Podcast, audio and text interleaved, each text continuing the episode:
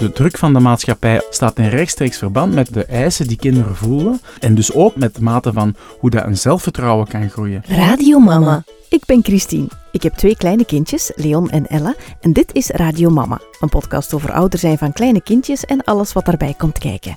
Dit seizoen wordt mede mogelijk gemaakt door Kinderbijslagfonds Infino. In deze aflevering heb ik Steven Gillis te gast. Hij is oprichter van Zitaso. Dat is een online community die opvoedondersteuning biedt aan onder andere ouders en leerkrachten. Hij vertelt ons hoe we kunnen bouwen aan het zelfvertrouwen van onze kinderen.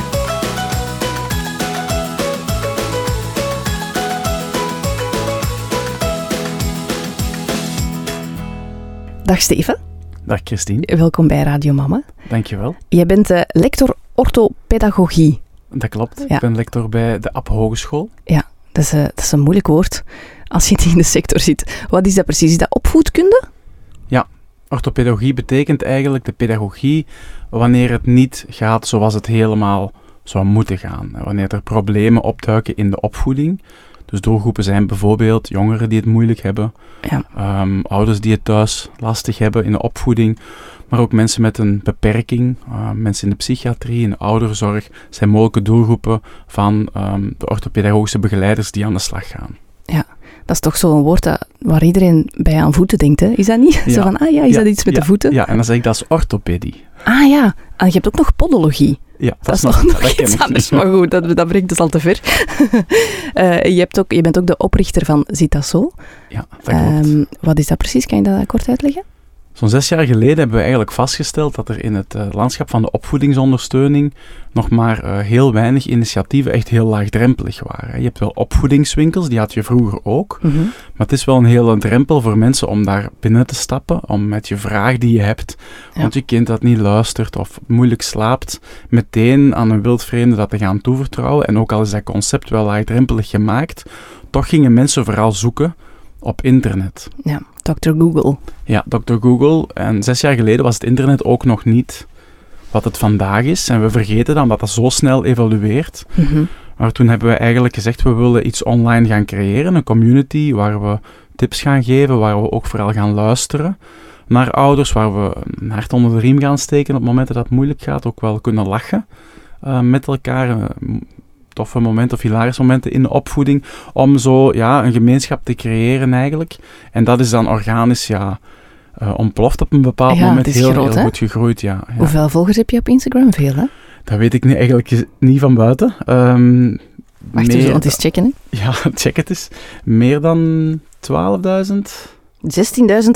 okay. Ja, ja. Ja, zo. En heel veel lieve mama's en papa's natuurlijk. Um, ja. Het is fijn ook dat ze zoveel vragen stellen. En soms is dat natuurlijk moeilijk om... Ja, om dat te doseren. Ja, dat te doseren, dat erbij te nemen. Ik probeer iedereen te antwoorden. -hmm. Maar dat kan natuurlijk niet altijd een uitgebreid antwoord zijn waar ik inga op heel de casus. Maar dan proberen we mensen wel gericht door te verwijzen, ook buiten onze organisatie. Want wat wij niet doen is één op één ja. consultaties. Um, we werken wel in groepen met kinderen. -hmm. uh, we doen lezingen. Uh, we werken aan boeken. Um, opvoedingsboeken, kinderboeken, maar echt één op één werken doen we niet. Nee. Jullie geven wel trainingen voor ja. kinderen, ja. uh, om de weerbaarheid te vergroten bijvoorbeeld. Hè? En je geeft ook heel veel lezingen ja. uh, over verschillende onderwerpen. Met hoeveel zijn jullie ongeveer in, in het team? Ik denk dat er momenteel uh, meer dan 40 freelance uh, mensen werken voor Zitazo. Ja. Dat doen ze natuurlijk niet alleen maar voor onze organisatie, maar ze werken... Ze zijn verbonden aan jullie. Ze zijn ook ja. verbonden aan ons. Ze zijn bijvoorbeeld trainer van een aantal uh, sessies met kinderen, met ouders, of ze geven een aantal lezingen, ja. of ze werken samen met Lano aan een nieuw boek bijvoorbeeld. Mm -hmm. Het is wel heel fijn om, om met zoveel mensen die dat elk hun specifieke expertise hebben, ja. te mogen samenwerken. Daar ben ik echt zo dankbaar voor. Ja. Kan ik me voorstellen, ja. Fijn. Um, waar ben jij zelf het grootste deel van je tijd mee bezig? Ja, binnen zit dat zo ben ik degene die het meest bezig is natuurlijk met coördinatie, met Mhm. mm -hmm. algemene coördinatie. En als er een thema is waar dat ik echt het meeste mee bezig ben, is het wel zelfvertrouwen en weerbaarheid bij kinderen. Mm -hmm. Ik heb me daarin uh, gespecialiseerd, in het uh, ontwerpen mee van de, van de assertiviteitstrainingen. Hoe gaan we met de kinderen op een korte periode, zodat de instap zo laagdrempelig mogelijk is aan de slag? Hoe kunnen we ouders ondersteunen om Ehm, heel verstaanbaar. ehm, ook ja, thuis eh, te kunnen gaan werken met, met de kinderen die daar zich wat onzeker voelen of die daar een verminderd zelfbeeld hebben, bijvoorbeeld. Ja, oké, dus dat is jouw expertise. Ja, ja. Ja. Je hebt zelf ook kinderen, hè? Ja, ik heb twee eh, meisjes. Ehm, de jongste is onderweg naar de vijf jaar en eh, de oudste is net zeven geworden. Mhm. Eh, ik probeer ze een beetje af te schermen ehm, van, het, van het publieke domein door niet te vaak het over hun namen te hebben of hun Ja. fo- de foto's. Ja, ik gezichtjes zijn ook niet, niet in beeld, Nee, heb ik al eh, nee, opgemerkt. Nee, nee, want ik weet niet hoe zij dat later Ja. m, eh, gaan willen. Mhm. Ehm, alle respect voor mensen die dat wel doen, want dat vind ik wel een stukje ook de echtheid die je dan hè, in ja, het dat is een beetje de keuze die je als gezin maakt. Hè. Wij hebben inderdaad die keuze ook gemaakt. eh het is Ja. ieder voor zich, hè. Ja, met alle respect voor, eh, voor de andere meningen. Ja, maar dus echt een meisjespapa waar ik eigenlijk eerst eh, had gehoopt op een zoon. Ja? Ja, toen eh, de- we wisten dat we zwanger waren, denk ik van, ah, dat wordt dan een jongen en daar kan ik dan mee gaan voetballen. En, en toen bleek dat het een meisje was en eh, toen heb ik daar even Kan je ook mee voetballen, hè? Ja, dat is waar. en toen dacht ik van, nee, dat is helemaal goed. En toen is ze gekomen en toen dacht ik van, ik wil alleen nog maar meisjes. Echt? ja, Dus geen derde meer. er komt geen derde meer. Oh, oké. Is dat zo een soort van master na master, het ouderschap zelf? Heb je veel bijgeleerd sinds je papa bent? Doe je anders, dingen anders, bijvoorbeeld? Absoluut, Ja. absoluut. Ehm, er is heel veel theorie, er is heel veel te lezen. Mhm, Ehm, er zijn veel dingen die heel aannemelijk klinken. mhm. Totdat je het dan moet gaan toepassen in de praktijk. En dat je kinderen je voor bepaalde ehm, dilemma's stellen. Mhm. Dus ehm, het ouderschap heeft mij enorm verrijkt in hoe dat je kijkt naar opvoeding. Maar het heeft mij ook wel bevestigd in een aantal zaken. Ehm, positiviteit in het ouderschap, dat vind ik een van de belangrijkste zaken die er eh, eh, zijn. Want we horen heel vaak ehm, negatieve zaken of heel, heel harde zaken ook. En je moet kinderen wapenen Ja. eh, voor de maatschappij. En, en zo maakten ze pas weerbaar. Ehm, ik hoorde gisteren een artikel van een OESO-topman die zegt van de klassen met de kinderen moeten nog groter. ja, ik terwijl ik gelezen. eigenlijk zeg van de klassen moeten kleiner. En er moet meer aandacht zijn, ook eh, niet alleen voor het overbrengen van de leerstof, maar voor hoe voelen kinderen zich. Mhm. Ehm, maar positiviteit, posi- op een positieve manier omgaan met kinderen, Ja. dat vind ik heel belangrijk in de opvoeding. Dat betekent niet grenzeloos opvoeden, of dat betekent niet geen, geen kader aanbieden, maar wel hoe je ja, ge- een geloof hebt in, in je kind. Dat is eigenlijk de samenvatting van, van alles wat ik kan vertellen over, ehm, over zelfvertrouwen. Oké, voilà, dan kunnen we afronden. Hè? nee, nee. Tot de volgende keer. Eh, je hebt een boek geschreven hè, over, eh, Ja. over zelfvertrouwen. Hoe, ehm, hoe ben je daar eigenlijk in de eerste instantie opgekomen om dat boek te schrijven? Omdat er zoveel vraag naar was dan?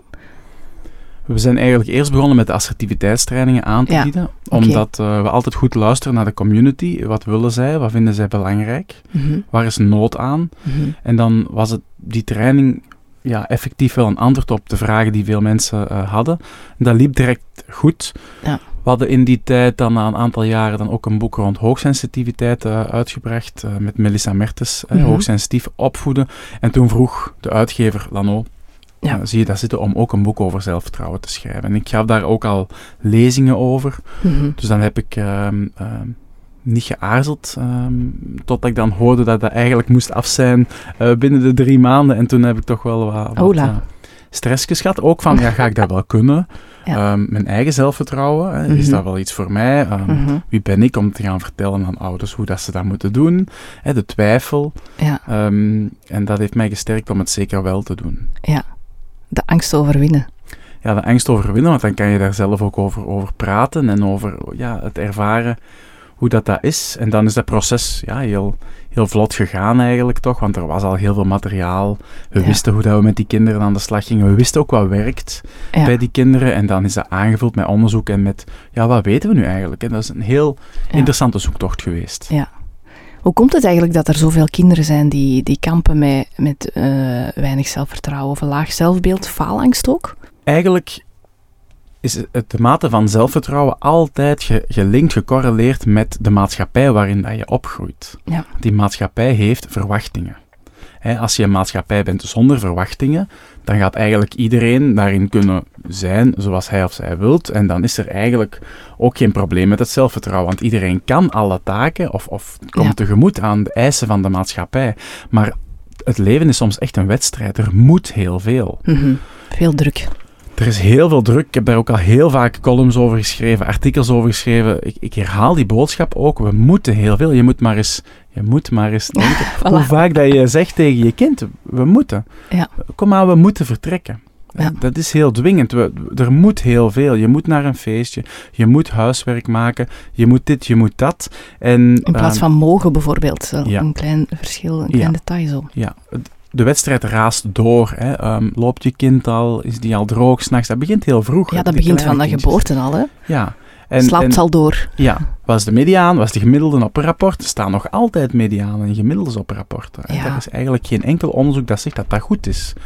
Want elk kind heeft een apart eh, groeiproces, ook op school, ontwikkelingsproces. En dan gaan zeggen, vergelijkt u maar met anderen, dat is eigenlijk nonsens. Ja. Maar er is heel veel druk, er moet heel veel. Moeten dan die twee hobby's erbij nog, of die drie hobby's? Ja. Vier hobby's misschien soms. Er moet heel veel. Ja, en dat is ook iets wat wij zelf ook hebben als volwassenen, zo keeping up with the Joneses, hè, zo van Ja. die druk voelen van wat doen andere mensen en ja, dan moet ik dat toch ook doen. Ja. Of dan moet ik dat toch ook kunnen. Ja. Dat is wat we als volwassenen ook heel hard doen en wat we overbrengen op onze kinderen. Ja, en daar moeten we gewoon alert voor zijn, bewust Ja. voor zijn. In de campen is het blijkbaar de bedoeling dat als er een kinderfeestje is, dat je op het einde van dat feestje, als je kinderen hebt uitgenodigd om te komen spelen, dat je ook nog iets meegeeft. Hè? Terwijl, en mijn vrouw zei, ja, wat gaan we dan daarvoor voorzien? Ja, En ik voor de gasten eigenlijk. Ja, voor de gasten die komen Ja. spelen. En die gasten die komen aan, die hebben ook waarschijnlijk een klein cadeautje bij.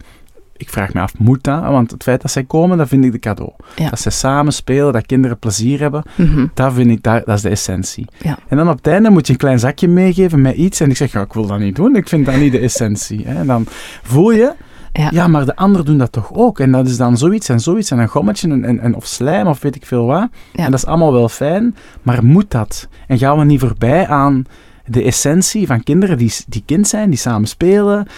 En Ja, want je wilt dat ze onthouden van hoe was het? Ah, ik heb leuk gespeeld en niet ik heb, ik heb snoepjes meegekregen Ja. bijvoorbeeld. Ja, en vorige week was het feestje en we moesten uitwijken naar een binnenspeeltuin. Dat vind ik de hel. Eh, Het binnenspeeltuin. wie vindt dat niet de hel? Het is gewoon Maar de het hel. regende, of het ging regenen, en we hadden dat dan geregeld. Hè, maar het jaar daarvoor hadden we ook gezegd van, kom, we doen gewoon een pijlentocht. Hè, we gaan gewoon Ja. iets leuk doen met de kinderen. En ja, die waren heel enthousiast daarover natuurlijk. Hè. Ehm, er moet heel veel, de samenleving raast door. En ik zeg soms ook, wij leven in een real-time samenleving. Ja. Hier en nu, moet er, ik, moet, ik wil nu iets en ik, ik, ik ga dat dan krijgen. Ja, het moet direct komen. Mensen Ja. hebben geen geduld meer. Nee, kinderen die voelden dat ook. In die real-time samenleving, er moet en er kan heel veel. Ja. En er zijn heel veel voordelen aan, maar daar zit ook een grote valkuil. Dat, dat de drukte hoog wordt. Dat de druk te hoog wordt. ehm, sociale media maken alles heel toegankelijk. Het internet maakt alles toegankelijk. Maar ik noem dat soms ook de vind ik leuk dictatuur. Hè. Mensen gaan ehm, in het weekend een leuke activiteit doen. Ze gaan heel veel foto's daarvan eh, trekken. En dan gaan ze de mooiste selecteren. Daar Ja. misschien nog een filter op, een mooi tekstje daarbij. En dat posten ze op internet. En anderen zeggen, wauw, hè, dat, is, dat is mooi. en je weet wel dat je dat zelf doet, maar je vergeet dat anderen dat ook doen. Ja. Want je ziet, oh wauw, en die heeft dat gedaan en die heeft dat gedaan. Maar dat is eigenlijk een, een, een verknipte soms realiteit. En dat is iets waar dat wij als volwassenen het al moeilijk mee hebben. Ja. Maar moet het dan niet voor onze kinderen zijn? Ja. En dus de, de druk van de maatschappij, of hoe de maatschappij werkt, staat in rechtstreeks verband met de, de eisen die kinderen voelen. En eh, het gevoel, waar moeten ze aan, aan voldoen? Mhm. En, en dus ook in rechtstreeks verband met de mate van hoe dat een zelfvertrouwen kan groeien. Er is heel veel mogelijk Ja. en dat zorgt ook voor keuzestress. Ja. Vroeger was dat heel duidelijk. Hè? Je waart een zoon van een boer, Mhm. dan werd jij een boer. Ja. Heel vaak. Een zoon van een leerkracht, dan werd jij een meester. Ja. En zo was dat. En dat is misschien niet zo goed, want je hebt niet zoveel keuzemogelijkheden. Maar vandaag is het moeilijk Tegenovergestelde nu. Ja. Ja. Kinderen krijgen stress, is aangetoond ook bijvoorbeeld door eh, heel de veelheid aan educatieve programma's, ehm, educatieve boeken, educatieve spellen, die heel goed zijn natuurlijk, Mhm. maar die dat soms kinderen ook, Dora, ehm, Explorer voor peutertjes die al leren Engels eh, spreken, ehm, zorgt ervoor dat kinderen meer stress ontwikkelen. In de hersenen bevestigen mensen die dat onderzoeken in het hoofd, effectief. Dus geen psychologen, maar echt mensen die dat, die hersenverbindingen gaan onderzoeken. Kinderen, eh, er komt heel veel op kinderen af. Dat zijn te veel prikkels dan of zo. Of, of, Je zou kunnen zeggen, dat zijn te veel prikkels, dat zijn te veel keuzes. Er moet heel veel. Ja. En dat is... ehm, ik moet hier kiezen, ja.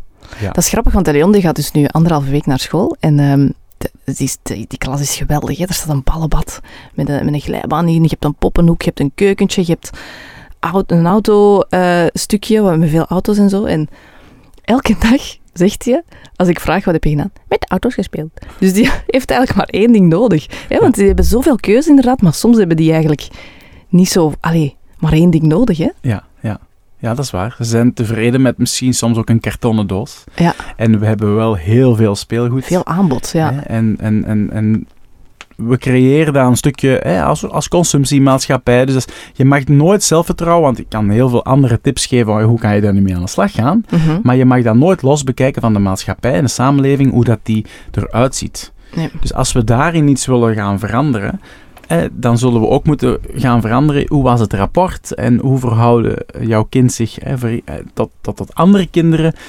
Er zit heel wat moeten op. Ook in de kleuterklas zijn er al moetjes Ja. en magjes. En ik zeg dan, ja, kinderen, kleuters moeten helemaal niks, die moeten gewoon spelen. Ja. En het huiswerk, ehm, wat dat heel vaak ehm, stress geeft in gezinnen, ehm, toont onderzoek, onze bevraging, toont dat ook elke keer weer aan. De ouders zeggen, oh, dat huiswerk komt er ook nog eens bij. En ik heb geen tijd meer om gewoon in verbinding te gaan met mijn kind, gewoon in contact te staan met het kind. Er Het is moet- weer een moedje erbij. Ja, Ja, dat huiswerk, dat is zo een fase waar ik nog niet in zit en ik kijk daar niet naar uit. Ik weet dat mijn nichtje eens een keer eh, thuis kwam met, met huiswerk als ik bij mijn mama was. En die zat in het eerste leerjaar en dat was wiskunde. En ik begreep gewoon de opdracht niet. ja, dat komt er Dat dan was nog eens echt bij. heel gênant. Ik zei, ja, ik kan u niet helpen, want ik snap het niet. En Ja. ja, ja ik, ik kan me dat wel voorstellen dat ik me daar hard in ga ergeren in dat huiswerk. Omdat ze zijn al een hele dag aan het leren en, en dat is heel intensief voor die kinderen. En dan komt er dat huiswerk nog eens bij. Dat is zo. En dat is, eh, dan word je geconfronteerd met je eigen beperkingen, van ik ken de methode niet. Hè, of ik ben niet zo goed in rekenen bijvoorbeeld, of in taal. Ehm, De huiswerk zal vooral voor mij goed zijn om terug eens wat bij te leren misschien. Ja, maar het zou goed zijn als kinderen kunnen ontspannen. En dat is ook een Ja. van de, van, van, de, van de twintig tips in het boek van maak, eh, zorg voor eh, momenten dat kinderen ja, tot rust kunnen komen. Hè. Ontspanning. Ehm, ik zeg ook wel eens, of de term die daarbij hoort, de JOMO. The joy of missing out. In plaats van de FOMO, Alles te willen. de ja. fear of missing out. Ik wil mee, ja, want anderen doen het ook zo. Eh, eh, trek eens een streep in uw agenda. Ja. In het weekend. En ga dan kijken wat je wilt doen met je gezin op dat moment. En, Mhm. en laat, ga niet mee in die red race of plan een beetje verder dan het volgende contact dat je dan toch wilt afspreken met vrienden of, of familie. Maar ja, kom ook tot rust. En ik heb ook een voorbeeld van een juf.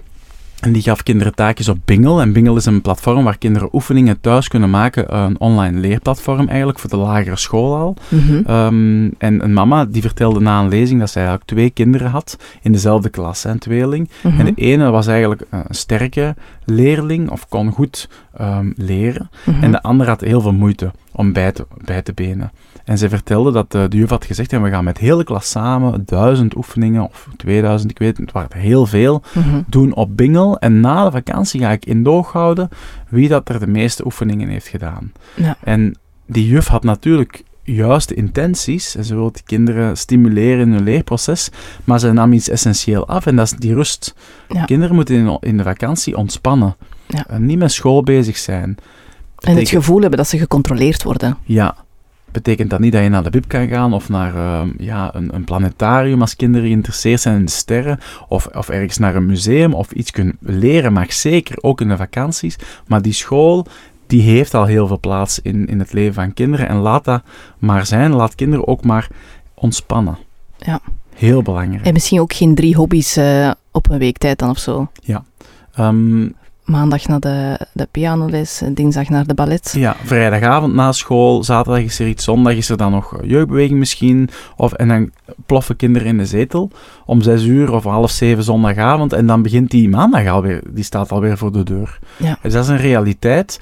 Moet dat echt? Moet je jezelf afvragen, is dit goed voor mijn kind? Ja. Eh, wil mijn kind dit graag? En, en- Maar is het niet soms moeilijk als ouder ehm, om, om te, de balans te zoeken tussen wat het kind zelf vraagt?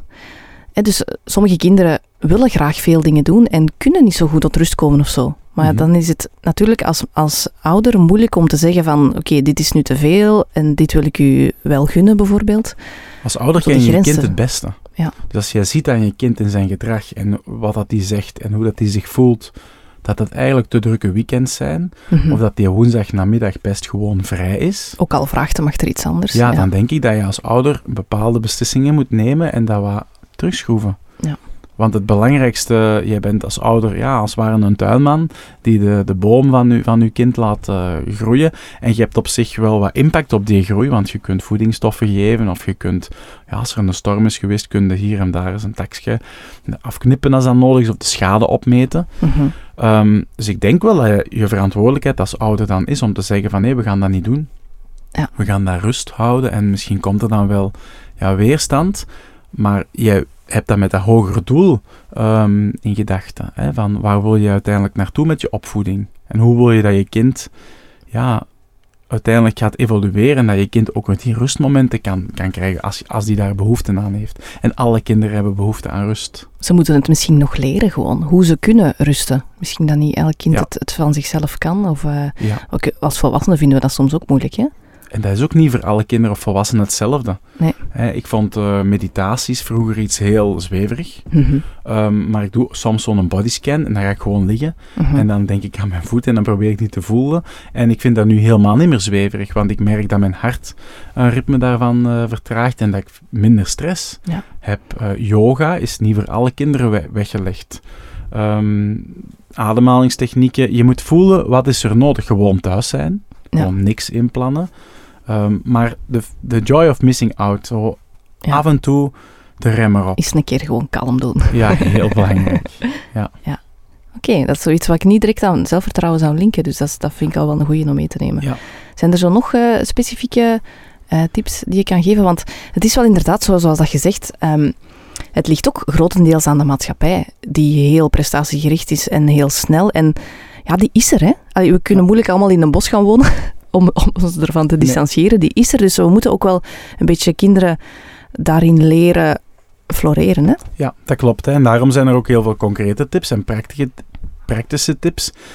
Weerbaarheid is eigenlijk, hoe, vind ik eigenlijk een beter woord dan zelfvertrouwen. Ja. Omdat weerbaarheid iets zegt over eh, hoe kom je weer recht als het even lastig was. Ja. Dat zijn die bomen in een bos die dan aan een storm terug recht zwiepen. En dat zijn niet altijd de bomen met de dikste stam. Nee. Dat zijn soms ook bomen met een lange, zwieperige stam waar je van denkt, die gaan er direct aan als er een storm is. Ja. Maar weerbaarheid is, hoe kan een kind weer verder nadat het iets heeft meegemaakt wat eigenlijk niet, ja, niet zo fijn was? Ja. En dat is altijd, dat vergt een vaardigheid. Je kunt vaardigheden gaan trainen en je kunt een attitude gaan trainen bij kinderen. En vaardigheden, je kan echt letterlijk gaan trainen, hoe kan jij jezelf ehm, een houding geven? We weten dat kinderen die een rechtopstaande houding ehm, hebben, die daar goed oogcontact maken, ehm, duidelijk articuleren, Lichaamstaal spreken ondersteunen met gebaren, die Mhm. een goede lichaamstaal inderdaad verzorgen, dat zij een hoger zelfvertrouwen hebben. Ja. Dat zij weer, meer weerbare kinderen eh, zijn dan kinderen die daar ineen, ineengekropen over straat lopen. Ja. In Amsterdam, ehm, geloof ik, is er een onderzoek geweest van eh, mensen die daar overvallen worden op, op straat. Mhm. En mensen die daar eigenlijk ehm, recht voor zich kijken, ehm, worden minder vaak overvallen dan mensen die daar de blik naar beneden. Dus de lichaamstaal is heel belangrijk over hoe de anderen ons percipiëren als iemand die daar stevig in zijn schoenen staat, ehm, zonder arrogant te, te zijn. Hè? Mhm. Of als iemand eh, die dat ik misschien wel, waar ik de grenzen van kan gaan opzoeken. Ja. En dat zit ingebakken ook, want ze hebben een onderzoek gedaan bij blinde mensen, hoe dat zij eigenlijk, ehm, ehm, als zij een wedstrijd lopen, hoe dat zij over de meet komen als blijkt dat zij de winnaar zijn. Want ze hebben dat dan niet gezien Mhm. bij, hè, want wij weten allemaal Andere hoe dat, mensen, dat eruit ziet. Je doet de handen omhoog en je zegt ja, en kin omhoog. Ja? Dat is ook zo bij blinde mensen die dat nooit hebben gezien bij anderen. Dus dat, die lichaamstaal zit ingebakken in de natuur. De natuur vertelt daar iets mee aan de anderen. Ja. En dat kan je aan kinderen leren. Zelfvertrouwen betekent omhoog kijken en ja, een open, open lichaamstaal eigenlijk. Ja, een open lichaamstaal, een, een, een zelfzekere uitstraling ook, zonder agressief te gaan worden. Ja. Dus dat balans vinden tussen passief, eh, niet agressief niet, maar een assertieve houding is eigenlijk een gepaste houding, waar dat je opkomt voor jezelf en rekening houdt met de ander. En dat is eigenlijk die, die houding die we de kinderen aanleren, omdat zij daar te weinig vaak van, eh, van hebben. Ja, en dat is wel iets. ehm, want je, je zou kunnen, kunnen zeggen van, gelijk bijvoorbeeld introvert zijn, is een eigenschap die je gewoon hebt. Die misschien, allee, ik weet niet zeker of dat zo is, hè, maar de, sommige dingen heb je gewoon mee vanaf je geboorte. Ja. Maar assertiviteit is wel iets wat je kan, kunt trainen. Dus Ja. door eigenlijk ja, Ja. tools te geven om, om het zelfvertrouwen te versterken. Dus het is niet zoiets van, ik ben gewoon een onzeker persoon, dus ik zal dat altijd zo zijn. Ja, nee, dat klopt. Dus daar gaat het ook over die mindset. Daar wil ik zelfs zeker ook nog iets over zeggen. Dus die vaardigheden is belangrijk, die mindset is belangrijk. Je kan, met kinder, je kan kinderen leren om hoe dat ze op een goede manier kunnen instappen in een spel, Ja. bijvoorbeeld. Je kan kinderen leren als je oogcontact maakt en je vraagt: hey, ik vind het een leuk spel, ik zou graag meedoen. Dan verhoogt meteen dat, doordat je kind dat op een goede manier doet, de kans dat anderen ja gaan zeggen. Dat weten we. Oh ja, oké. Ja, dus als, als er bepaalde vaardigheden zijn, Mhm. als, als je je op een bepaalde manier presenteert naar anderen, ga je vaker aansluiting vinden. Ja. Als je naar beneden kijkt of je durft niks zeggen of, of je mompelt ehm, of je gaat zitten friemelen, dan gaat het de boodschap geven aan anderen. Met u moet ik eigenlijk niet zoveel rekening houden. Ja. Dus je kunt kinderen dat echt leren, maar dat moet altijd hand in hand gaan met hoe dat je aan hun mindset gaat werken en hoe dat zij ook gaan meer ehm, eh, geloven in zichzelf. Nog één voorbeeldje misschien over dat stevig staan.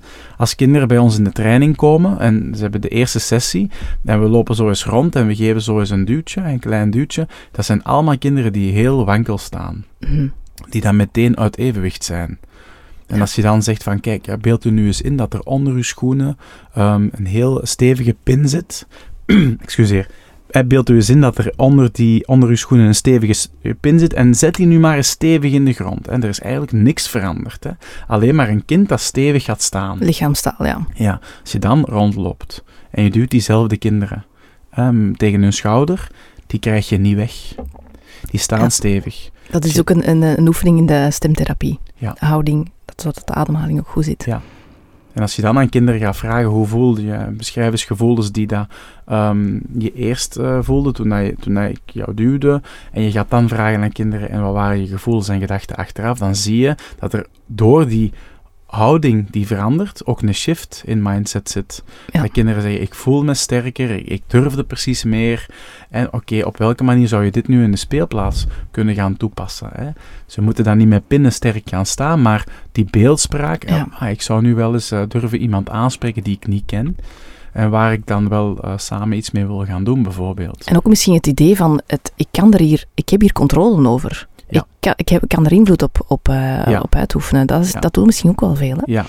Oogcontact maken is heel belangrijk om verbinding te zoeken met iemand anders.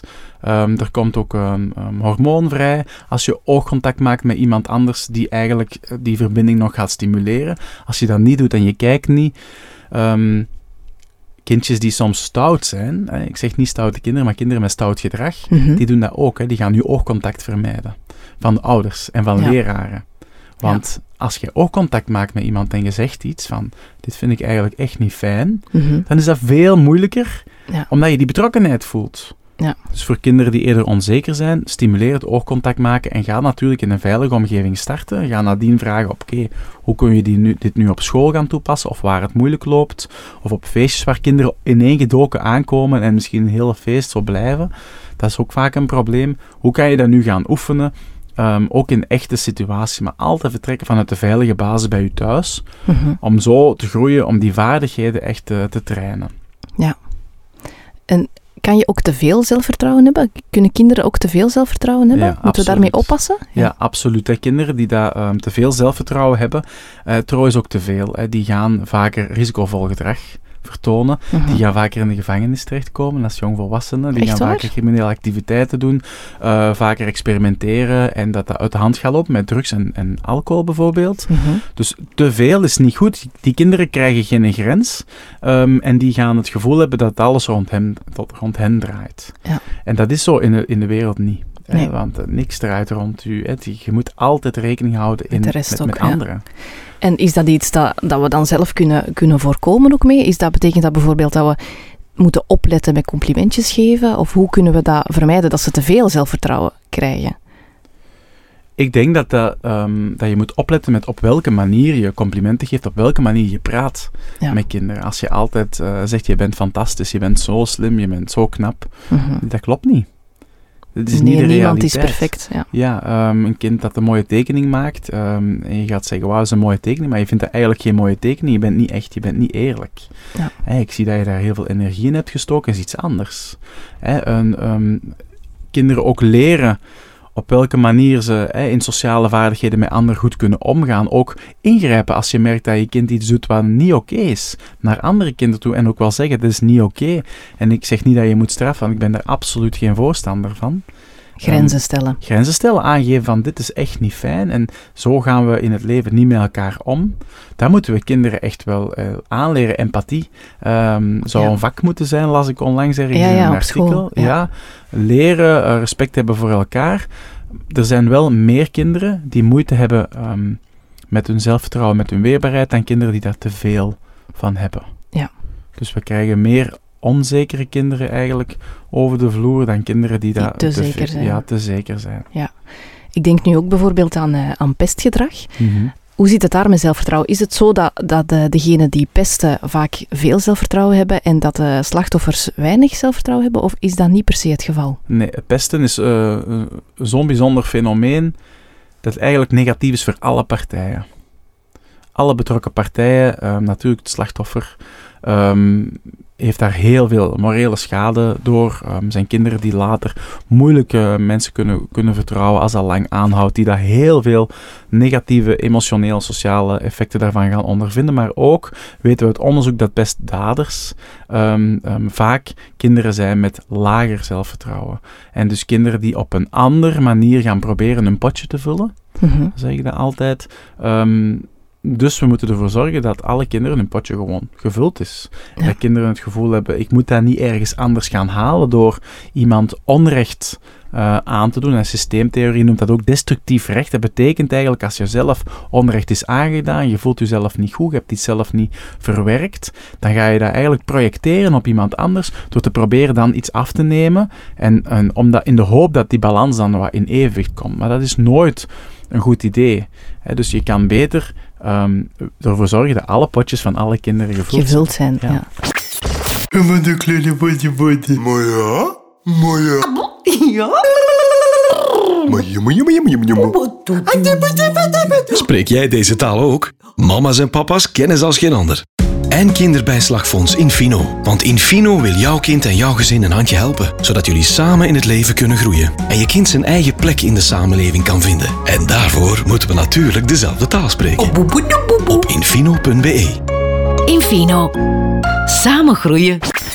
Denk jij dat, dat is iets wat ik mij onlangs heb afgevraagd, dat als, stel dat we in een maatschappij zouden leven ehm, waarin dat er niet wordt gestraft, bijvoorbeeld, hè, waar dat we eigenlijk dus zo'n beetje afkomen van die macht, van dat autoritaire opvoeden, eh, van iemand is de machtige en de andere niet, dat er dan ook minder gepest zou worden? Absoluut. Ja, dat Ja. is zoiets wat ik mij ook onlangs afvroeg. Van misschien dat, dat kinderen op school zoiets hebben van: ik voel mij niet zo heel zeker en ik moet hier zien dat ik de macht krijg, want anders ben ik degene die niet de macht heeft en word ik misschien gepest. En dat ze daarom ook gaan pesten. Is dat zo? Ja. Het gaat erover hoe dat je dat begrip macht invult. Ik denk als je gaat straffen vanuit een, een machtspositie en kinderen die dan uit angst het nimmer gaan doen, hè, die dat je dan traint een stukje, ehm, dat gaat niet werken op de lange termijn. Dat zijn kinderen met kwetsuren. Mhm. Er zijn heel veel kinderen met kwetsuren. Ehm, bijna nergens ter wereld is de zelfdodingsratio onder jongvolwassenen zo hoog als bij ons. Bijna nergens ter wereld zijn er zoveel psychische problemen. En de landen waar we mee in competitie gaan, zijn echt niet de landen waar je wilt mee in competitie gaan. Dat zijn landen waar de prestatiedruk nog hoger ligt. En dus we hebben al heel veel jongeren die moeite hebben met, met, met ehm, ja, zichzelf en met hoe dat zij in de wereld staan. Dus alsjeblieft, laat ons niet te veel uit die macht. Um, aanvaarde macht hè, is wel, of een aanvaard gezag van iemand die mij de gids, Ja. mijn gids is, die mij de weg Gezag wijst. is een beter woord eigenlijk Ja, hè, dan, dan macht. Veel beter. En ook, ik denk dat het belangrijk is om soms wat meer grenzen te gaan stellen. Mhm. Maar dat betekent de manier waarop je dat doet, Ja. da- daar zit fundamenteel Door te verschil. communiceren eerder dan door te straffen. Ja, door gewoon uw kind als, als, als, een, als een kind te, te gaan zien, als een, als een volwaardig persoon die dat je ja, niet gaat straffen uit machteloosheid, maar die dat je mee, ja, mee gaat nemen in hoe dat jij kijkt naar wat jij belangrijk vindt. Ja. Dat, is, dat vind ik heel, heel eh, waardevol. Want het zit wel in onze maatschappij zo, een kind dat pest zou... Ik weet nog dat als, toen ik geen kinderen had, eh, heb ik ooit eens de uitspraak gedaan. Ik, ik was gisteren de podcast aan het voorbereiden en ik moest daar ineens aan denken. Eh, als mijn kind ooit een ander kind pest, dan steek ik hem in de kelder. ik heb dat effectief ooit gezegd.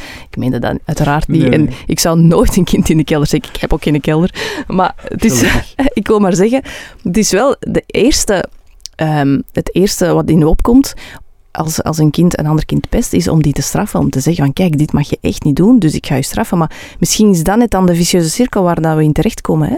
Wat maakt dat het kind straft? Dat zou dan de, de, de, de vraag moeten zijn. Dat gebeurt niet zomaar. Nooit. En het is ook niet met de vinger wijzen van ja, je hebt geen goede opvoeding gegeven, dus je kind straft. Er kunnen altijd dingen zijn waar dat je geen vat op hebt. Of de, de contacten met andere kinderen. Of die, je kan altijd dingen niet, eh, niet, niet alles voorzien. Je kan wel proberen daarop te anticiperen door te proberen te weten waar is uw kind mee bezig. Ja. En dat is ook een van de dingen die trouwens heel erg belangrijk zijn voor, ehm, voor ehm, ehm, het zelfvertrouwen van kinderen te stimuleren, is luisteren naar je kind, maar echt luisteren. En dat is echt moeilijk om Mhm. echt te luisteren. Je kent wel tussen de, tussen de regels doorlezen. Ja. Eh, Wat staat er eigenlijk in die tekst? Wat er niet zwart op wit staat, maar wat voelde Ja. wel. Wat bedoelde eigenlijk? Wat bedoelde eigenlijk? Dat moeten eigenlijk ook met kinderen doen. Ja. Tussen de regels door luisteren, echt luisteren, actief luisteren. Welke boodschap geeft mijn kind? Hè? Ja, papa, eh, vandaag in de klas en, en de meester. En eh, ja, die liep mij niet, niet aan de beurt. En eh, die Jeffrey die mag altijd aan de beurt. Hè? Die feiten zijn belangrijk, maar wat veel belangrijker is, wat zit erachter? Ja. Ik zie dat jij boos bent. Nee, ik ben niet boos, papa. Hè, wat ben je dan wel? Ja, ik vind dat eigenlijk echt oneerlijk. Ik, ik voel mij onrechtvaardig behandeld. Ah, dus jij vindt het niet fijn hè, dat de meester jou dan niet zo vaak ziet en de anderen wel. Hè. Is dat dan nog op andere domeinen? En je begint met kinderen te spreken. Je geeft hen een taal en je luistert en je zegt eigenlijk, uw verhaal is belangrijk. Ja. Uw kind, een kind dat voelt, mijn, mijn verhaal is belangrijk, ik ben belangrijk voor mijn ouder. Ehm, Gaat zich belangrijker voelen ook, ja. Hè? zonder, zonder natuurlijk hè, daar als een, Te belangrijk, hè, als ja. een zonnekoning. Hè, nee, nee. Dus maar zij gaan meer tussen... openstaan. ja. Ja. om, om meer dingen te vertellen. Ja. En, en, en ook om naar u te komen als dan de puber wordt en zegt van, eh, ja, hoe werkt dat met die voorbehoedsmiddelen bijvoorbeeld? Want ouders zeggen, maar ze spreken niet met mij. Ja. Ja, spreek met uw kind en luister naar uw kind. En als, je, als uw patatten opstaan en, en uw kind zegt iets, en dat is belangrijk, dan zet even uw patatten af. Ja. En die vijf minuten, die zullen het niet maken. Want dat is denk ik inderdaad eh, het, ehm, het grootste probleem, denk ik. Hè? Als mensen zeggen van, ja, eh, misschien dat we niet altijd zo goed luisteren, omdat er zo weinig tijd is. Hè? Omdat ook weer we in die maatschappij zitten van alles moet snel gaan en dan gaan ze van school halen. En dan moeten ze zien dat ze eten krijgen en dat ze op tijd in hun bed liggen, dat ze hun huiswerk nog maken. En het is allemaal zo, tak, tak, tak, tak, het moet allemaal gebeuren. Je hebt tijd, je, hebt, eh, je geeft ergens prioriteit aan. Ja. En ik zeg dan ook altijd, er is ook een bepaalde mentaliteit. Hè, op- je kunt ook tijd maken. Ja. Ehm, ouders zeggen, ja, we hebben daar geen tijd voor. Ook hele korte, unieke momentjes van quality In de auto bijvoorbeeld. In de auto, of s'avonds even nog mee op bed gaan liggen. Ja. We kunnen heel waardevol zijn, heel waardevol, om het contact met je kind te hebben. En het contact met je kind is een, is een basisvoorwaarde, zodat kinderen durven, waar ze mee zitten, hun innerlijke belevingswereld te tonen. Ja. En dan komen we op het vlak van emoties bijvoorbeeld. Gaan we ook heel vaak verhalen afgrenzen die, wanneer kinderen emoties tonen die eigenlijk we niet zo goed vinden. Als kinderen bang zijn, als kinderen ehm, droevig zijn, als kinderen ontploffen omdat ze heel boos zijn, Mhm. gaan we heel vaak dat proberen onder de mat te vegen. Ja. Je moet toch niet zo bang zijn, je moet toch niet huilen. ehm, maar daar, daar hebben we het al heel vaak over gehad, of daar heb ik al heel vaak over, over gesproken. Wat, terwijl we wel weten dat een cruciaal element om gelukkig te worden in het leven, is dat je, als je een diversiteit van emotionele ervaringen mag hebben. Ja. Dus als mensen het gevoel hebben, ik mag boos zijn, ik mag droevig zijn, ehm, ik mag bang zijn, Het hoort bij het leven. het hoort bij het leven en dan komt dat wel weer goed. Ja. En toch hebben we de neiging om als een kindje valt van zijn fiets om daar naartoe te gaan en zeggen, kom stel, sta maar snel recht, is toch zo Om erg het af te leiden, ja. Je moet toch niet wenen, zeggen we dan. Mhm. En dan zeggen ouders, ja stevig, je zegt dat zo vaak, hè, dat, dat- je moet toch niet wenen, wat moeten we dan wel doen? Ik zeg, ja, ga gewoon naast je kind zitten en je zegt van, het is lastig, ja. Ik zie dat het lastig is. Dat is niet tof, hè, zo van de fiets vallen. Ja. En als uw kind een, een, een beenbreuk heeft, dan moeten we mee naar het ziekenhuis rijden. Maar Niet gewoon zeggen dat is lastig en terug naar huis. dat is lastig en wachten. En je gaat niet lang moeten wachten. Of je kind gaat iets doen. Ja. En dat is essentieel. Je kind gaat recht staan. En een kind heeft zelf recht gestaan en terug energie gevonden. Je kind is weerbaar. Want je kind is zoals een elastiek hè, uitgerokken en komt terug tot zijn originele vorm. En jij hebt een extra tool als ouder. En, en jij bent gevallen. En je had zo lastig daarnet. En, en je had zoveel pijn en, en je had tranen. En ik ben gewoon even komen kijken hoe dat jij daar eigenlijk mee omgaat. En nu staat jij recht. Hoe heb je dat gedaan? Hè? En dat is de kracht die kinderen nodig Dat is weerbaarheid. Je hebt zelf ze staan zelf recht. Staan zelf Je geeft ze de kans om zelf recht te staan. Ja, die emotie blijft ook niet duren. Hm. Hè, pijn blijft niet duren, ehm, bang zijn blijft niet duren. Wees aanwezig hè, en, en erken dat die angst er dan is, s'nachts bijvoorbeeld ook. En laat kinderen dan daarna zelf daaruit komen. Ja. En wees nabij. Hè. Ja. Maar dat is een van de... Ja, we nemen dat rap uit handen. Ja, en ik denk dat als ouder is het, ik, ik spreek voor mezelf, maar ik denk dat ik voor veel mensen spreek, zo soms moeilijk om de grens te, te zoeken tussen ehm, overbes- overbeschermend zijn en gewoon voor de leeuwen gooien. Ja. Zo, in hoeverre moeten dan die een boom afschermen van de storm? Ja. Want de storm, ja, je kunt die wel af en toe tegenhouden misschien, maar Ja. ook niet altijd. Je hebt ouders die daar in de speeltuin in de cafetaria gaan zitten en Ja. zeggen, doe maar.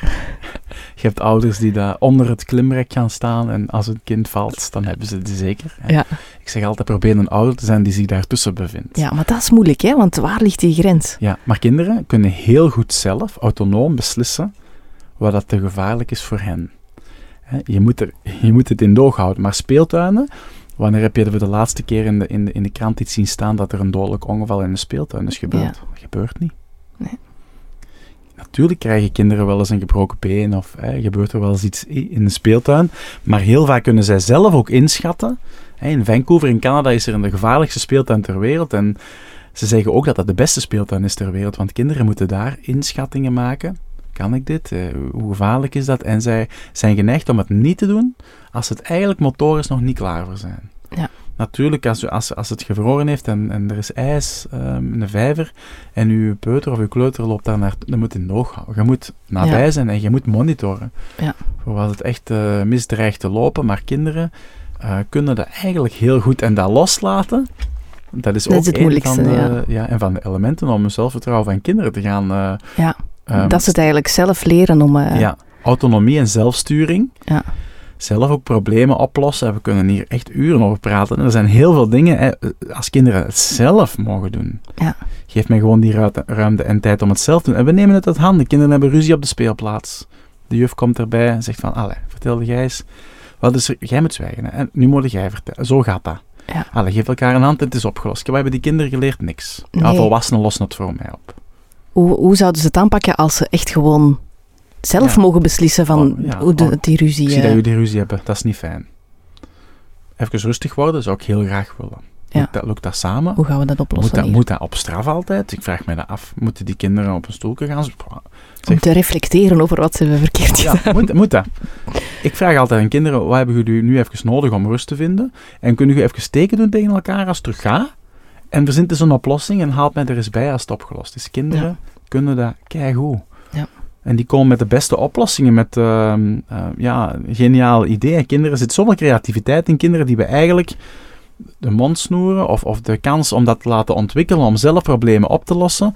En dat is heel belangrijk, ook in het beroepsleven later. Hè. Dus het is onze taak om kinderen, laat ze maar sociale vaardigheden, soft skills. Hè, we Ja. gaan over, onze maatschappij wordt overgenomen door robots. Dus wat zijn de belangrijke vaardigheden die gaan overblijven? Ja, de emotionele intelligentie en Ja. zo.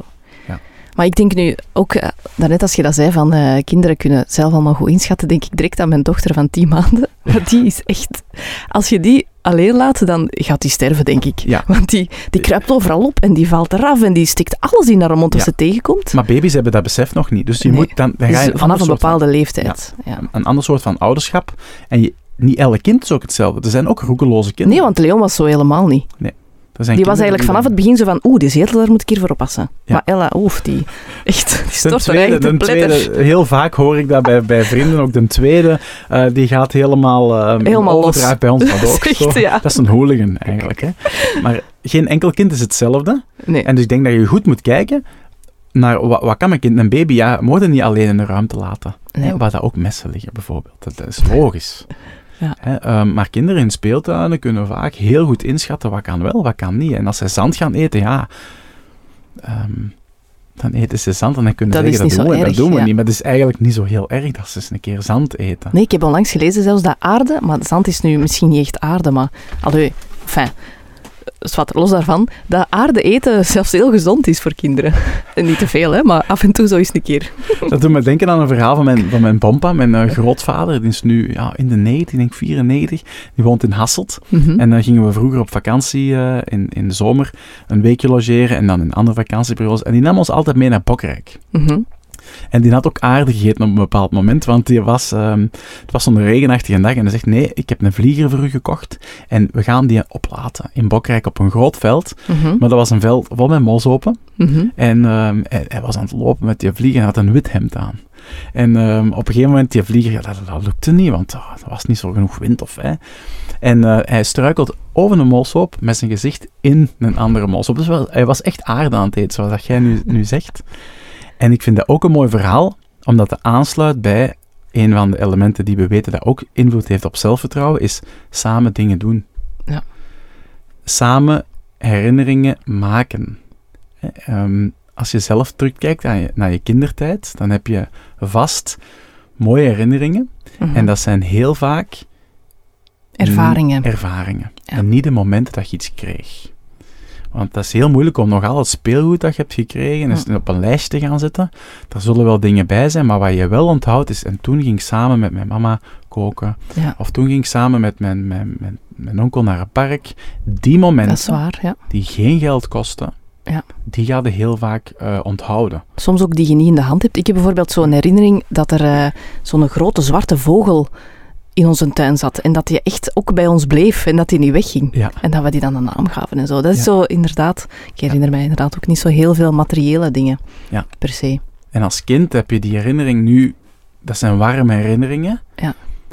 Jouw kinderen zijn nu ook die warme herinneringen aan het beleven. En als volwassenen beleven we die situaties, dat we in het park gaan of het bos gaan, helemaal anders. Of, of naar een pretpark, maar het hoeft geen geld te kosten. Voor kinderen is dat allemaal veel magischer en veel groter. Mhm. En dat ziet er allemaal heel goed uit. Zij beleven nu de realiteit die je samen met hen beleeft anders en veel puurder. En ik zou willen dat ik terugkom.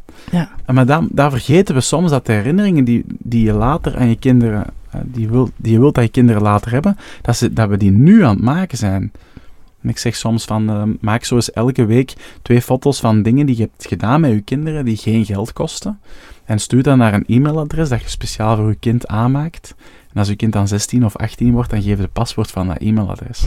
ja, om te, te laten zien hoeveel leuke dingen dat je eigenlijk samen hebt gedaan. Niet ter aantoonbaarheid, maar gewoon Ja. ehm, als, als goede herinneringen die eigenlijk ehm, beslist om, om, om te maken. In plaats van altijd eh, kinderen te overladen met cadeaus en zo. Om, eh, Ja. hè, zoals bijvoorbeeld bij verjaardagen zijn ervaringscadeaus eigenlijk leuker. Hè? Zo van, ik ga nu bijvoorbeeld met mijn metekindje naar de Like Me eh, Ja. show. Die Ja. was zeer enthousiast dus. Ja, ja, ja, alle kinderen bijna zijn heel enthousiast daarover. En samen dingen doen, iets, iets doen met je medekind of met je zoon of met je dochter. En dat kost geen geld om te Ja. zeggen van, allee, doe dan maar even mee met de pannenkoeken of met de wafels bakken. Ook al is dat dan een soep in die keuken. Ja. En, en betrek kinderen, hè, dus de participatie van kinderen is ook, dat weten we van het onderzoek, dat kinderen die participatie krijgen in het, in het huishouden, of die daarmee keuzes mogen maken, die daarmee worden betrokken in, in, in het eh, gezinsleven, dat zij een beter zelfvertrouwen ontwikkelen.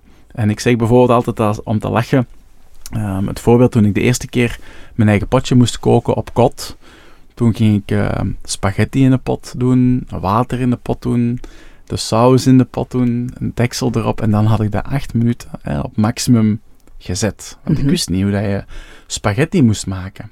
En natuurlijk, na twee minuten kwam een kotgenoot met, wat zei je eigenlijk aan het doen? Hè? Waarom zit je op je bureau en niet bij je pot? Dat is hier één soep in die keuken. En ik zeg, ah, moet de spaghetti eerst koken? En ik wist dat niet. Ja. Want als ik vroeger ehm, in de keuken eh, bij mijn vader mocht helpen, Mhm. dan moest ik beneden in de kelder een pak melk gaan halen. Ja. Of dan mocht ik eh, misschien ja, even er- ergens in roeren. Maar zeker niet snijden of zeker geen dingen aan het vuur, want dat zou Dat natuurlijk... gevaarlijk, dat is ja. gevaarlijk. Ja. En dit is nu een grappig voorbeeld. Maar stel je maar eens voor dat je als ouder niet meegeeft. eh, dit is nu competentie koken, of de vaardigheid iets kunnen, een potje maken. Maar als, als het gaat over vaardigheden over, op emotioneel vlak, of eh, sociale vaardigheden, dan zit het daar wel als je 18 jaar bent. Hè. Je hebt nooit geleerd om te praten over je gevoel. Je hebt nooit geleerd om te luisteren naar de ander. Ja. Dan zit je daar echt met een handicap, hè.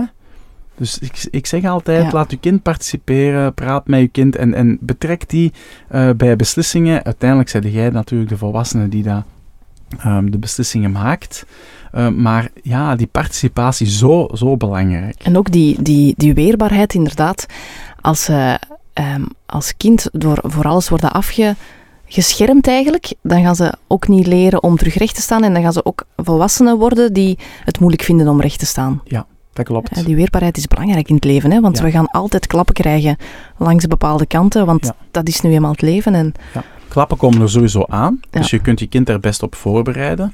En ik noem dat dan een stukje ehm, door niet te, te veel te helikopteren, ehm, door een stuk dingen te laten zijn, ook te laten, hè, zoals Nina ehm Mouton zegt, niet, niet, dat gaat niet perfect zijn. Nee. Door dat ook toe te laten, Mhm. geef je als het ware een vaccinatie met een Ja. klein beetje ongeluk. Of een Ja. klein beetje, de, ja, eh, Dirk de Wachter heeft daar ook heel mooie ja, boeken of vertellingen over, over, over toelaten van het lijden. Ja, dus Eh, we moeten durven falen. Ja, durven falen en ook omdat je dan door die emotie ook weer heen, doorheen geraakt. En als je een beetje kinderen wat inent met wat ehm, negatieve prikkels, die dat je eigenlijk laat gebeuren, eh, Ja, het is niet dat je ze toedient, Nee. maar je laat ze gebeuren. Ja, ik begrijp het. Ja. Dan gaan kinderen natuurlijk daar een, een, anti, hoe zeg je dat? Ja. Zoals met vac- Ja, vaccinatie, die gaan ze later Antistoffen, ja. sterker staan, want ze, ze, ze weten al hoe ze problemen kunnen overwinnen. En ze weten ook dat dat stopt hier Ze hebben geleerd, dat gaat over. Dat is heel lastig op dit moment, maar op een gegeven moment is dat voorbij. Ik moet denken aan eh, de Netflix-documentaire van Brené Brown. ja, Ehm, daar vertelt zij, het is al de vierde keer of zo dat ik het erover heb Ja. in aan mijn podcast bijna. ja. Dus ik ben echt onder de indruk van die ja, dat is geweldig. documentaire, Dat is laat dat geweldig. Die zijn. TED-talk van een uur is dat denk ik dat je bedoelt. Hè? Ik Of- weet niet, er is, er is echt een Netflix-documentaire Ah, van anderhalf uur of zo, Ah waar dat zij eigenlijk gewoon vertelt over de kwetsbaarheid. over kwetsbaarheid. En op het einde van, eh, van die documentaire, het is echt een aanrader, hè, vertelt ze over haar dochter die ehm, een zwemwedstrijd moet, eh, moet zwemmen. En die daar heel angstig voor is. Dus echt faalangst heeft. En die zegt van, ik ga dat nooit winnen. Ik wil eigenlijk liever niet meedoen. Ja. Dus die zoekt manieren om er eigenlijk onderuit te komen. En zij, ze, ze vertelt dat ze als moeder het, het eh, voelt van... "Ah, ik wil echt u beschermen en ik, heb, ik zou echt liever willen zeggen, blijf jij maar gewoon thuis en, en doe het niet. Maar ze heeft het niet gedaan. Ze zegt van, ja, kijk, soms is winnen ook eh, ehm, gewoon meedoen en het proberen. Ja. En het is zo'n prachtig verhaal. Ze vertelt dan dat ze, dat ze effectief meedoet en dat ze laatstes is. Dus dat het ook echt een heel vervelende ervaring is. Dat ze ook wenend uit het zwembad komt. Maar dat ze dan zegt van, ik was dapper, ik heb gewonnen, want ik heb het geprobeerd. Ja. Prachtig. Dat is echt, dat is echt, ja, ik krijg kippenvel van. Ja, echt. Ik heb, ik, heb, want ik heb hem gisteren voor een tweede keer bekeken. Ja. En ik heb twee keer ook echt zo tranen gelaten. Ja. Dat is zo'n schoon verhaal. Ik denk ook dat daar eh Brené Brown, haar dochter, heeft toegelaten om van een fixed mindset, ik kan het niet, ik ga dat niet, hè, wat je Ja. net vertelt, Mhm. ehm, naar een growth mindset te gaan. Hè. Zo, Carol Dweck zegt van je moet een groeimindset proberen te installeren bij kinderen, waar dat ze eigenlijk ehm, geen oog hebben voor wat, wat niet zal kunnen. Je weet ook niet of je iets zal kunnen, maar je weet wel dat je iets kan proberen. Ja. En dat is zoals Pippi Langkous zegt, ik heb het nog nooit gedaan. Ja. Ehm, dus ik denk dat ik het wel kan. Ja. Dat is een groeimindset. Hè? Dat is geloof op de toekomst. En wat heeft ehm Carol Dweck gedaan in school in Amerika? Ik weet niet of je dat weet.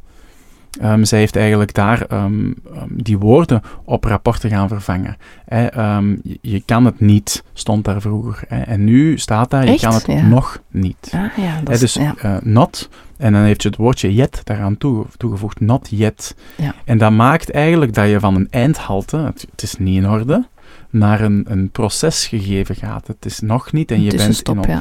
En dat is ook iets wat dat in de, rond zelfvertrouwen ik heel veel rond werk, is verander gedachten en gedrag. Want kinderen met een, die onzeker zijn, die hebben heel vaak een negatieve beeld over zichzelf, hebben negatieve gedachten. Ehm, ik ga dat niet kunnen, ehm, of eh, ik durf niet eh, die andere kinderen aanspreken, want die gaan mij belachelijk vinden. Heel veel studenten die ik begeleid in het hoger onderwijs, die zeggen, ja, ik doe mijn mond niet open op een teamvergadering, want ja, die gaan mij dan belachelijk vinden. Ja. Dus die gaan eigenlijk een, een idee wat ze eh, het melden waard vinden voor de cliënten die ze daar begeleiden, niet brengen, omdat ze zelf schrik hebben van de meningen van anderen. En dan, dan zeg ik ook van, ja, wat, is nu het ergste dat kan gebeuren, is dat, ja, die, dat die mij echt belachelijk vinden. Maar dan zegt dat eigenlijk meer, zeg ik altijd, over die mensen die Ja. ook hier in de sociale sector werken. Dus we zitten heel vaak va- vast in, eh, in, ehm, in een fixed eh, mindset, hinderlijke gedachten. Ja, ik ga niet. dat niet kunnen. Nee. Maar ik denk dat dan ook wel een, een valkuil is van ouders of opvoeders bijvoorbeeld, om dan ehm, niet te zeggen van, jawel, je gaat dat supergoed doen. Nee. Want dat is ook niet de realiteit. Want Nee. als ze het dan niet goed doen, dan gaan ze denken, ja, maar Nee. hier, die ligt tegen mij, en gaat hem dat volgende keer niet meer geloven. Je moet, Luc de Wulf zegt daarover, spreekt over talenten heel vaak, heeft daar boeken over geschreven, ook zegt over, je moet gaan nadenken, ehm, welk talent van je kind kan in actie worden gezet? Wat is een intrinsiek talent? En daar moet je natuurlijk je kind in, in, in gaan stimuleren. Je moet niet, als je echt ziet dat je kind super houterig is, Mhm. ehm, dan moet je die niet gaan stimuleren om eh, bepaalde ja, atletiek of, of, of, of, of turnen te gaan doen, maar zelfs als je kind daar plezier in heeft, wat, wat, wat dan nog? Hè? Ja. Ehm, als je kind vastzit in, in... We weten dat de drie G's, hè, dus gevoels en gedachten, hebben een impact op ons gedrag. Als je denkt dat je te laat gaat komen, ehm, dan ga je sneller rijden met een auto. Ja. Dan ga je misschien door het oranje rijden. Dan ga je misschien kwaad worden tegen die tractor. Is dat de wet van Murphy? Is, Ja, dat, is dat voilà, dat? voilà. Ja. Allemaal alleen maar omdat je denkt dat je te laat gaat komen. Want je kunt het bijvoorbeeld niet checken op Je je werkt het in de hand, ja. Ja. Als je dat gaat vervangen door, ik vind verkeersveiligheid heel belangrijk, ik ga me excuseren. En de volgende keer ga ik gewoon op tijd vertrekken. Oké, het is een sollicitatie, pech, ik heb hieruit geleerd, het zal me niet meer overkomen. Dat zijn behulpzame gedachten, dat zijn positieve gedachten die je meer gaan sturen in, in, een, in, in een positiever gedrag. En Ja. als je dat gaat vertalen bij kinderen op situaties, wat dacht je, wat voelde je, en wat deed je? Ja, niks. En dan, oké, wat zou je kunnen denken? Wat, wat zou je dan voelen waarschijnlijk als je dat zegt? En wat zou je dan doen? En dan zie je dat er heel veel ehm, verandering in mogelijk is. En dat is die verandering in de mindset. Hè? Dat, de focus op het positieve. En inderdaad minder denken van, eh, ja, gewoon zelfvertrouwen creëren door, door te denken, ik kan het of ik kan het op zijn minst proberen, in plaats van, dat ga ik niet doen, want dat ga ik nooit kunnen, Ja. bijvoorbeeld. Ik kan het, dat kan je niet weten, maar ik ga, het een, ik ga een poging doen. Ja. Eh, dat wel. Dat kan je Iedereen kan zeggen, ik ga het proberen. Ja. Dus Misschien dat- kan ik het wel, in plaats van, Ja. ik ga het waarschijnlijk niet Ik wil kunnen. eens testen of ik het kan. Ja. Of ik ga het gewoon doen. En als ik een blauwtje loop, ja, dan is het zo. En niet iedereen kan je graag, ga- zal je graag hebben in het leven. En dat is ook oké. Ja. En dat positieve in, in, in de opvoeding vind ik dan daarbij aansluitend ook heel belangrijk. Het is soms heel gemakkelijk om in de drukte en in negatieve ervaringen ook te blijven hangen. Ehm, als ouder.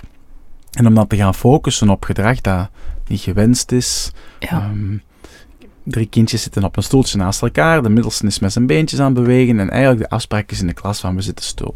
Los van de discussie of dat een goede Ja. afspraak is of niet. Zijn leraren gefocust om te gaan zeggen tegen dat middelste kind: Allee, zit nu eens stil. Ehm, hoe vaak moet ik het nog zeggen? Ja. En we kunnen eigenlijk ook die andere kinderen die daar zijn, hè, gaan aanspreken. Oh, maar het is goed dat je zo rustig naar de juf kijkt. Ehm, knap dat je zo stil zit. En dan gaan we eh, in twee derde van de gevallen zien dat het middelste kind verminderde be- beenbewegingen gaan doen. Dan gaan we met een derde compliment. Dus ik zeg, complimenten zijn soms wel een goed idee als je ze in een situatie positiever kan inzetten. Je hebt drie complimenten kunnen geven of drie positieve boodschappen, Mhm. terwijl je anders die andere twee niet had gezien. Je hebt die eigenlijk genegeerd, want die doen gewoon wat er van hen verwacht wordt, terwijl dat wel een opgave is. En dat middelste kind krijgt nog maar eens te horen wat het niet moet doen. Ja. Dus de focus op het gewenste gedrag, op wat je wel verwacht, die shift maken, dat is, is, is voor ouders ehm, Ja. heel, heel belangrijk.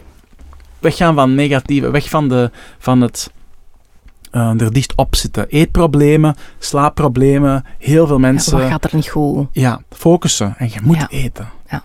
En jij zult, en, je, en, en dan krijg je kinderen, ja, eetproblemen natuurlijk nog meer. Eetstoornissen soms, zelfs slapen. Je kunt kinderen niet dwingen om te eten. Nee. Je kunt kinderen niet dwingen om te slapen. Nee. Je kunt een kind opsluiten op zijn kamer. Dat is Ja. geen goed idee. Nee. Hè, zoals in de kelder zitten is ook geen goed idee. hè. Maar je kunt niet zeggen, slaap. Je Nee. kunt niet zeggen, slik. Nee. Dat gaat niet. Dus blijf weg van strijd. En probeer dat Ja. op een positieve manier. Bij ons thuis is de afspraak dat kinderen... ehm, we hebben een koude, koude vloer. In de herfst en in de winter hun sloeven aandoen. Ja. En dat was wat strijd. Toen nu sloeven aan en vooral die kleinste, die konden dan wat van... Ah. En dan hebben we bedacht, we gaan dat eens... Hoe kunnen we dat nu... We zeggen altijd, je moet positief zijn tegen ouders. En hoe kunnen we dat nu omdraaien? En dan hebben we een sloefenalarm geïnstalleerd. En dat is eigenlijk gewoon dat op bepaalde momenten... ja, ik zelf of mijn vrouw, maar mijn vrouw doet niet graag dat geluid. Dus dan doe ik dat. Doet dat geluid is? We gaan een beetje naar achter dan. En dan gaat eigenlijk een Makkelijk. sirene, hè. En dan komen de kinderen laten zien dat ze hun sloeven aan hebben. Ja. En Dus dan, eh, out of the blue doe jij die sirene Ja. gewoon. Ja. En soms eh, op, op, op, op tien minuten twee keer, hè. En soms twee dagen niet, hè.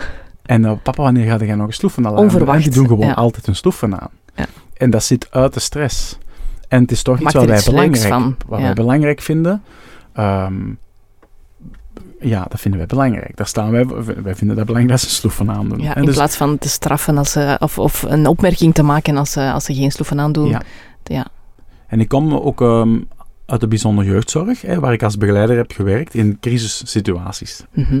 En daar was, ehm, op een gegeven moment gingen we op huisbezoek, op een intakegesprek. En er was een, eh, een setting waar ik dacht, oh, wat is dit? Eh, Ik ben in Amerika terechtgekomen. Daar lagen matrassen buiten in die buurt, oude fietsen. Dat, en ik was echt aan het denken, Mhm. ik moet hier goed oppassen waar ik stap, want ze spa- stap ik in een drugspuit. Ik was daar echt effectief aan het denken. Ehm, en op dat moment zegt mijn collega, oh, maar kijk daar eens. En ik denk, voilà, daar is het. Daar is, daar is ligt de spuit. maar dat was niet. Ze zegt, kijk eens wel een mooi bloemetje. En die had een mooi bloemetje opgemerkt in die grauwe omgeving. Mhm. En die zegt, als dat bloemetje hier wat meer plaats zou krijgen, dan zou dat hier toch wel direct een verschil betekenen. En als ik het vertel, krijg ik nog altijd de krop in mijn keel, want dat is zo mooi, omdat die ook zo binnenging in dat gezin. Met diezelfde mindset. Ja. Dus dat is een mooi verhaal. Maar dat is ook heel beeldend. Die zag altijd positieve, positieve puntjes. Wat loopt er nog wel goed? En hoe kunnen we dan van Ja. daaruit terug, terug, terug verder gaan? Dat is ook iets wat, wat Jurgen Peters zegt, wat ik heel hard heb eh, onthouden van zijn eh, bijscholing. Hoe je naar iets kijkt, bepaalt hoe je reageert. Ja. En dat is echt eigenlijk de basis van alles. Hè? Je krijgt geen stress door een situatie, maar hoe dat je in de situatie interpreteert. Laat binnenkomen. En mama zegt van ja, mijn kind komt thuis, die smijt zijn rugzak daar tegen de muur en dan moet ik nog vriendelijk zijn. Dan is een avond nog maar net begonnen. Ik heb stress van mijn baas. En dan kom ik thuis en dan moet ik koken en dan smijt hij zijn rugzak. Ik zeg van ja, hij kan ook niet thuiskomen. En een tram pakken naar, naar Antwerpen, zijn rugzak verkopen, experimenteren met wat drugs van dat geld. Dus blijven slapen onder de brug. S morgens misschien zien of hem terugkomt. Wat zeg jij nu allemaal, hè? Ik zeg, hij komt naar en hij geeft aan, het is druk geweest, maar het was een drukke, prikkelvolle dag op school en ik heb het even gehad. En ja, die moet werken aan de manier waarop hem zijn rugzak. Hè? En wat moet ik dan wel doen? Ik zeg, ik ben blij dat je thuis bent. Hè, jongen, ik ben blij dat je er bent. Heel vaak zit het in kleine dingen Ja. Die daar onder de noemer vallen, positiever kijken. Ja. En proberen te speuren naar ehm, wat zit daar achter dat gedrag. Oké, Mhm. super interessant. Mhm. Ehm, zijn er zelf nog dingen waar je aan denkt die je zeker wilt zeggen? We hebben al heel veel eh, besproken, hè? we zijn ook al even bezig. Misschien nog het laatste. Kinderen leren heel veel van hoe dat jij in het leven staat als Imitatie. ouder. En niet alleen maar door hun zintuigen, ehm, door hun ogen, maar bijvoorbeeld ook ehm, kleine kindjes die daar in de wieg liggen, Mhm, ehm, na een paar dagen oud, die eigenlijk nog niet goed kunnen zien, mhm, die kunnen al door spiegelneuronen het verschil opmerken tussen ehm, volwassenen die aan de wieg staan en naar hen kijken, en volwassenen die aan de wieg staan en niet naar hen kijken. Ook al zien ze niet met hun ogen dat die volwassenen aan het kijken zijn. De spiegelneuronen maken dat kinderen meenemen, en ik, ik probeer dat spiegelneuronen is heel moeilijk om uit te leggen, ik begrijp het zelf ook niet volledig, mhm. probeer dat te vertalen als, dat zijn de voelsprieten die alle kinderen hebben, die Ja. dat je niet ziet. Ja. En kinderen voelen als er iets los is. En je denkt van, maar ik heb juist ruzie gemaakt met mijn man of met mijn vrouw. En die hebben dat niet gehoord, of dat was van tevoren. En die kinderen, die voelen die Er is iets aan de hand, ja. En als je daar dan door onder de mat gaat schuiven, Het is oké, er is niks. Ja. Mama, is, eh, mama is blij. ja. Of als je buurvrouw komt aanbellen en je denkt, oh nee, Bertha, ik heb er echt geen zin in. En je zegt dat bijvoorbeeld, oh nee, nee. En je doet de deur open en je zegt, kom binnen. Ja. Dan toonde je aan je kind en je zegt tegen je kind, je moet je grenzen en je moet... hè, Negeer maar wat je voelt. Negeer maar wat je voelt. Hè. En je zegt van, ah, ik heb geen zin in Bertha. En je doet de deur open en je zegt, Bertha, het komt echt niet uit. Het is echt druk, maar ik passeer morgen wel eens, of van de week, of volgende week. Dan ga je aan je kinderen ook tonen wat je vertelt. En dat ze nee mogen zeggen en soms moeten zeggen om zichzelf te beschermen. Ja. En kinderen leren zoveel van wat wij doen, Ja. wat wij niet doen. Alles eigenlijk, hè? Ja. Ja. Maak ruzie met je partner.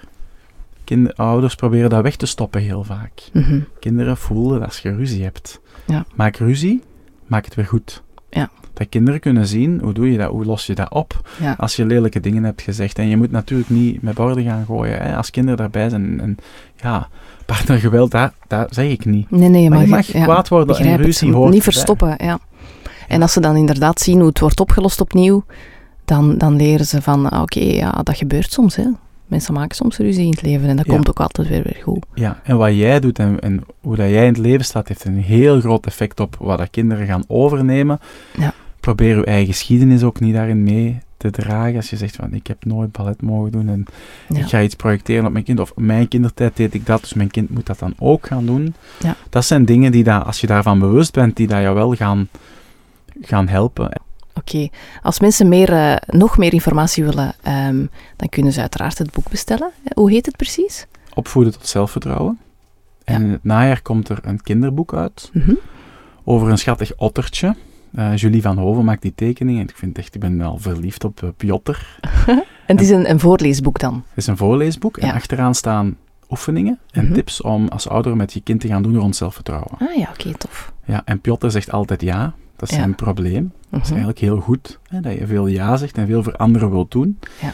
En de clue is een stukje dat Piotr een beetje meer ja tegen zichzelf moet zeggen en dat dat soms ook betekent nee zeggen tegen, Tegen iemand anderen. anders. Oké, tof. En wanneer komt hij uit? Eh, in oktober. Oktober, ja, bijna. En mensen kunnen gewoon op Instagram mij volgen en dan blijven ze wel op de hoogte van wat er verschijnt. Of op de website van zitazo.be. Ja, wat is jouw Instagram-naam? Steven Gillis en een underscore. Op het einde, ja. En zitazo.be. Ja. Oké, top. Dan eh, rest er mij nog om u heel erg te bedanken om van zover, verre Limburg, wat tot hier te komen. De Kempen, de Kempen. Ah, de Kemp, oké. Dat is heel graag gedaan.